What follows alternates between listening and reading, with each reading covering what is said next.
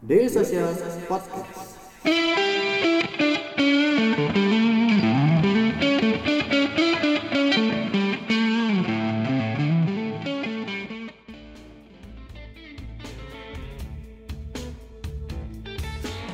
Halo dari Kemang Selatan 1 dan nomor 2 Daily Social HQ Bertemu lagi di ngobrolin sarapnya Daily Social Podcast Selamat sore, pagi, siang, malam teman-teman pendengar Daily Social Podcast Apa kabarnya?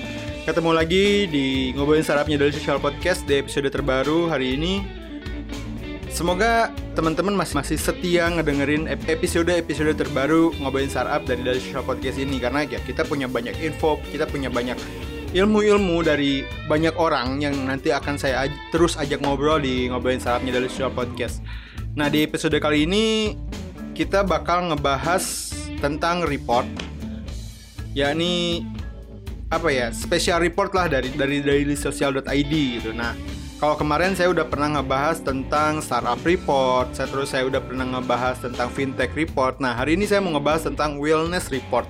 Apa sih wellness report? Eh, bagaimana konsep wellness report nanti kita bakal bahas. Kita bakal kupas tuntas tentang apa yang ada di wellness report ini. Nah, untuk ngebahas tentang wellness report, kalau waktu itu saya ngobrolin tentang report-report bersama Mas Randi, editor senior di dari Social. Nah, kebetulan Mas Randi hari ini ada di luar kota. Saya sekarang sudah bersama Mbak Sondra. Halo Mbak Sondra. Halo Egi. Nah, Mbak Sondra ini adalah research di Daily Social atau orang yang memang terlibat langsung di re- report ini gitu. Nah, Mbak, berarti sebelumnya saya ingin tanya, berarti Mbak Sondra ini memang terlibat secara langsung ya Mbak dalam report ini ya? Iya, ke- kebetulan saya yang eh, data collectingnya, Oke. menyusun reportnya satu persatu untuk disajikan sedemikian rupa sehingga mudah dipahami dan dibaca oleh eh, pembacanya dailysocial.id. Oke, nah berarti kalau gitu kita bisa langsung bahas aja mungkin ya Mbak ya. Kalau Oke. baca, kalau kalau saya baca sekilas sih mungkin agak ambigu nih, wellness report. Apa sih Mbak konsep wellness itu? Sebenarnya kalau eh, dari kata wellness, mungkin orang-orang kebanyakan merujuknya ke sehat. Oke. Sehat berarti tidak sakit, tapi Mhm. sebenarnya wellness sendiri itu tidak hanya berarti ya nggak sakit gitu. Oke. Jadi definisi wellness itu sendiri itu cukup beragam, variatif. Secara umum atau secara jelasnya itu wellness sendiri mengarahkan kepada beberapa pilihan kegiatan, Oke.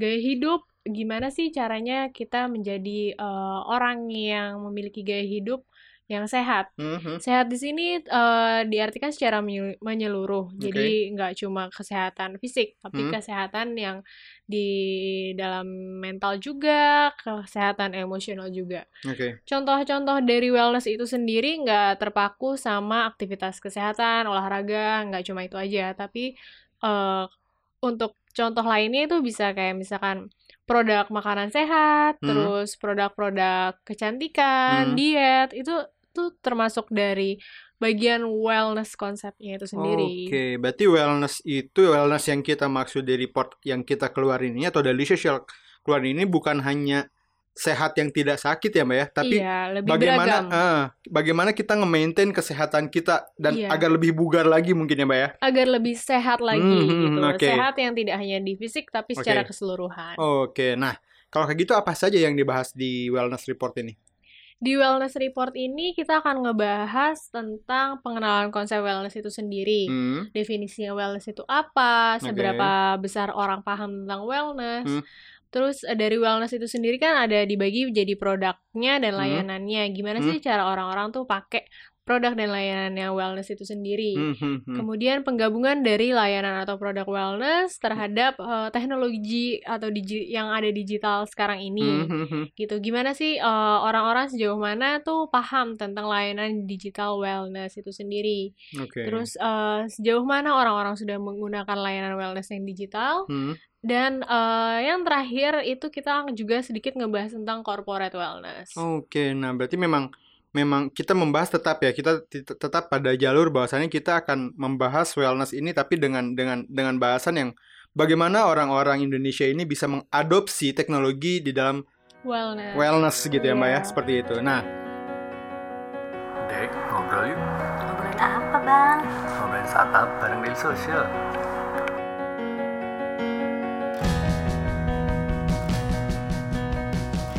Daily Social Podcast. Ini inisiasi awalnya itu seperti apa sih, Mak? Bagaimana DS bisa tiba-tiba mengeluarkan wellness report? Eh, DS Research ini eh, melihat bahwa pangsa pasar industri wellness ini dibilang tuh sangat menjanjikan ya. Hmm, Eh, dari tahun 2017 itu diprediksi industri ini akan terus berkembang secara global hmm, dengan pertumbuhan mencapai 6,4% per tahunnya. Oke. Maka dari itu, eh, DS Research bermitra dengan Fitco untuk eh, mengeluarkan report ini sebagai referensi atau validasi. Kita pengen tahu seberapa besar sih pa- pasar wellness yang ada di Indonesia Hmm, gitu. hmm, hmm. Nah, terus target respondennya siapa aja sih, Mbak? Target respondennya itu eh, yang pasti kita menargetkan orang-orang yang produktif yaitu Hmm. usia 19 sampai 40 tahun Hmm, di mana di usia itu usia lagi matang-matangnya untuk berkegiatan, Hmm. untuk concern tentang gaya hidupnya. hmm, Itu yang menjadi concernnya yang sebagai target respondennya yaitu usia 19 sampai 40 tahun, Oke. kemudian juga yang tinggal di Jakarta. Oke. Nah, targetnya udah, eh, inisiasinya udah, metode yang dilakukan itu seperti apa?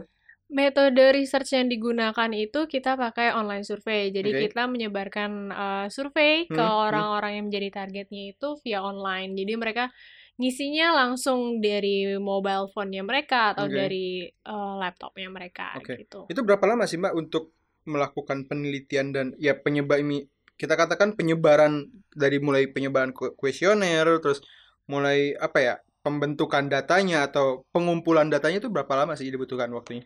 Eh, total kurang lebih eh, satu bulan sih kita Oke. merancang dari Hmm, hmm, awal hmm. sampai kita dapat datanya, kita analisa itu kurang lebih satu bulan. Satu bulan sampai launching pun langsung satu bulan ya sampai rilis atau Eh, lebih? le- kalau rilis pasti lebih, cuma Lebih. untuk sampai ada data analisanya kurang lebih satu bulan. Hmm, Terus kita mulai formulasinya lagi kurang lebih satu bulan lagi. Jadi kurang Oke. lebih sampai benar-benar rilis itu dua bulan deh. Oke, berarti untuk membuat report ini kita membutuhkan waktu dua bulan ya, Mbak ya? Iya. Oke.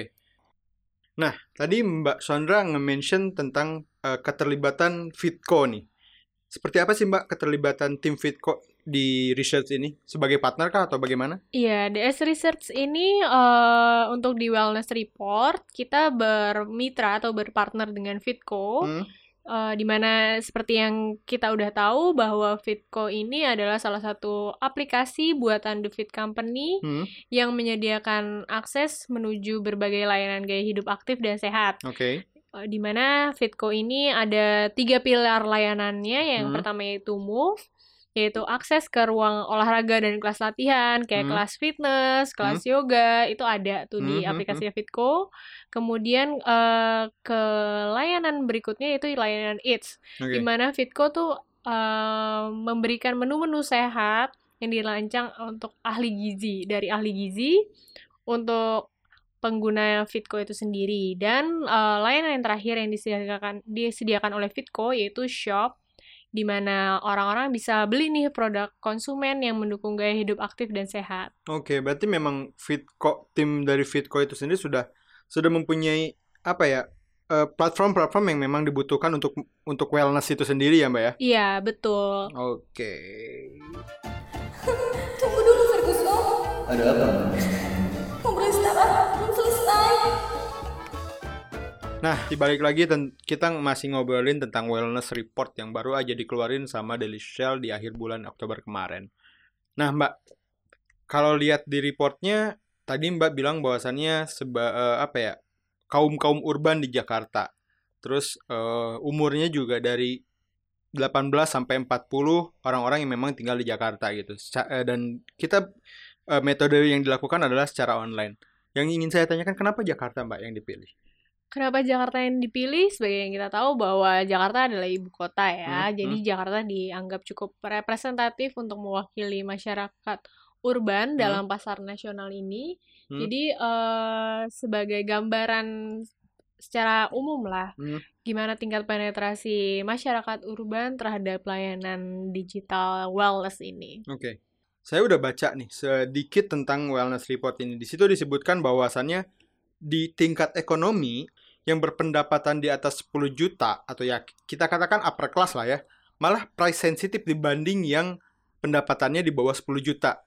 Mungkin Mbak Sondra punya apa ya punya fakta atau cerita menarik lah terkait fen ya kita katakan ini sebagai fenomena gitu kan. Iya, ini fakta yang menarik juga ya yang bisa diambil dari wellness report ini. Jadi eh, dari research yang sudah kita la- lakukan itu orang-orang yang berpenghasilan lebih dari 10 juta per bulan itu eh, price sensitif banget terhadap Hmm. harga. Hmm. Ini eh, berangkat dari hal-hal mereka bahwa pengetahuannya sudah lebih maju, Oke. le- lebih lebih istilahnya lebih aware terhadap layanan atau produk kesehatan yang ada. Hmm. Makanya mereka lebih tahu kisaran-kisaran range harga layanan atau produk kesehatan yang tepat itu seperti di angka berapa Hmm, gitu. hmm, hmm. Dan mereka juga eh, lebih aware terhadap rekomendasi orang lain. Testimoni-testimoni review orang lain itu cukup sensitif untuk orang-orang yang berpenghasilan di atas 10 juta ini. Oke. Lain eh, lain fenomena juga de orang-orang yang berpenghasilan di bawah 10 juta. Hmm. Mereka lebih mementingkan untuk popa- popularitas produknya dulu. Jadi Oke.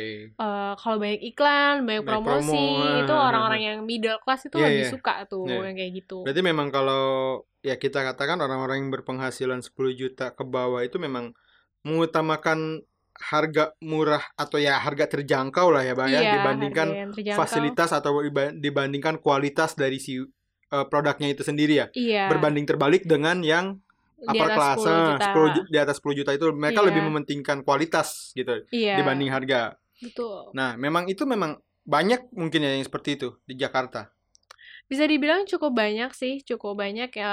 Ya ma- karena Jakarta ini sendiri adalah masyarakat urban, Hmm. penghasilannya rata-rata pasti di atas eh, untuk penghasilan eh, rumah tangga per bulan Hmm, ya, hmm, pasti hmm. di atas kurang lebih di atas 10 juta ya pengetahuannya juga pasti lebih maju Hmm. akan mana sih produk yang produk atau layanan yang lebih berkualitas Hmm. gitu. Jadi mereka lebih price sensitifnya di situ. Oke. Berarti memang ada faktor-faktor ya mungkin kebiasaan juga mungkin ya. Kalau misalkan eh, teman-teman di luar sana yang punya salary di atas 10 juta mungkin yang penting mereka bisa mendapatkan kualitas harga pun berapapun pasti akan diambil ya Mbak ya. Iya. Dibanding seperti kita-kita yang masih di bawah. Masih rata-rata lah Iya. ya. Jangankan untuk ngambil yang kualitas yang dikasih promo gede-gedean juga masih mikir-mikir ya kan. Mikir-mikir, kita masih membandingkan promo satu sama Oh, lain.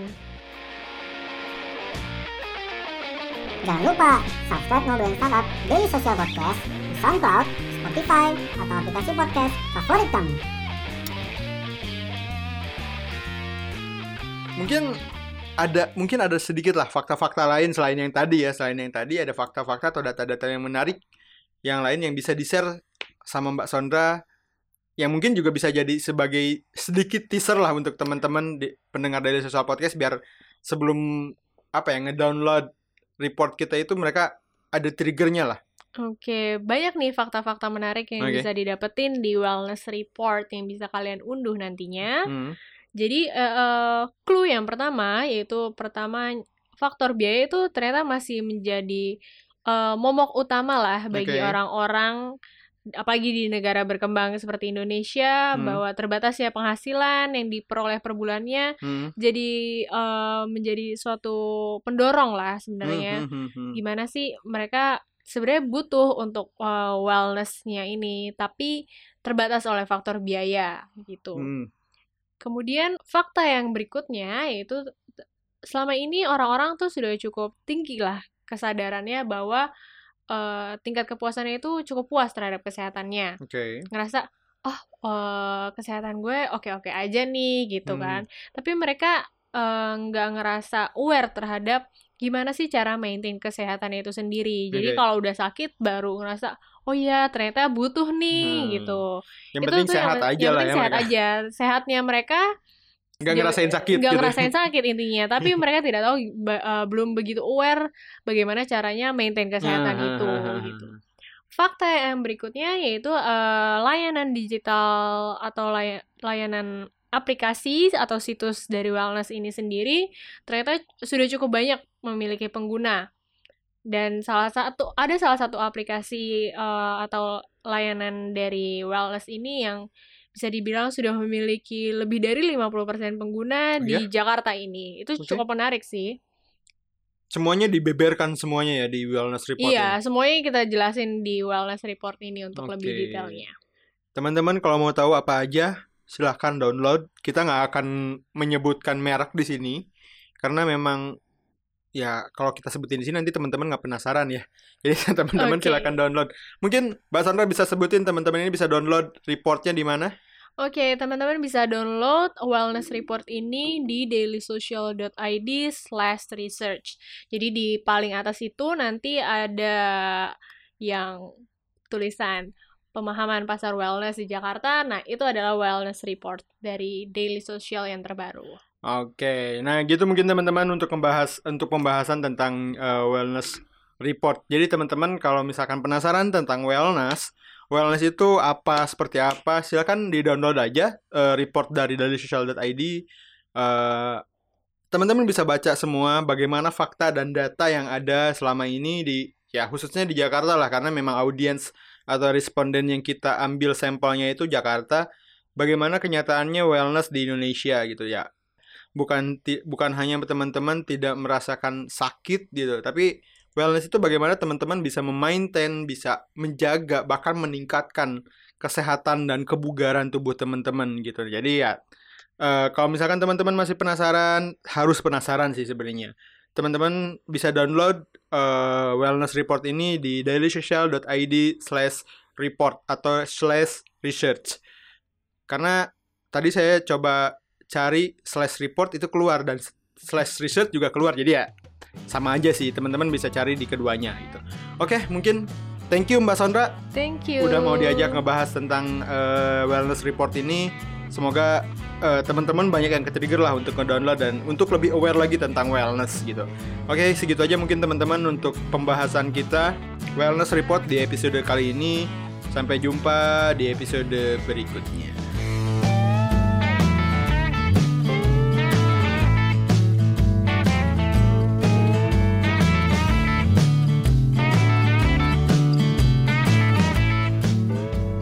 keep in touch bersama kita di dailysocial.id untuk website kita. Di Facebook kita ada dailysocial.id, di Twitter kita ada @dailysocial dan di Instagram kita ada @dailysocial.id. Di LinkedIn kita ada Daily Social dan di YouTube kita ada Daily Social.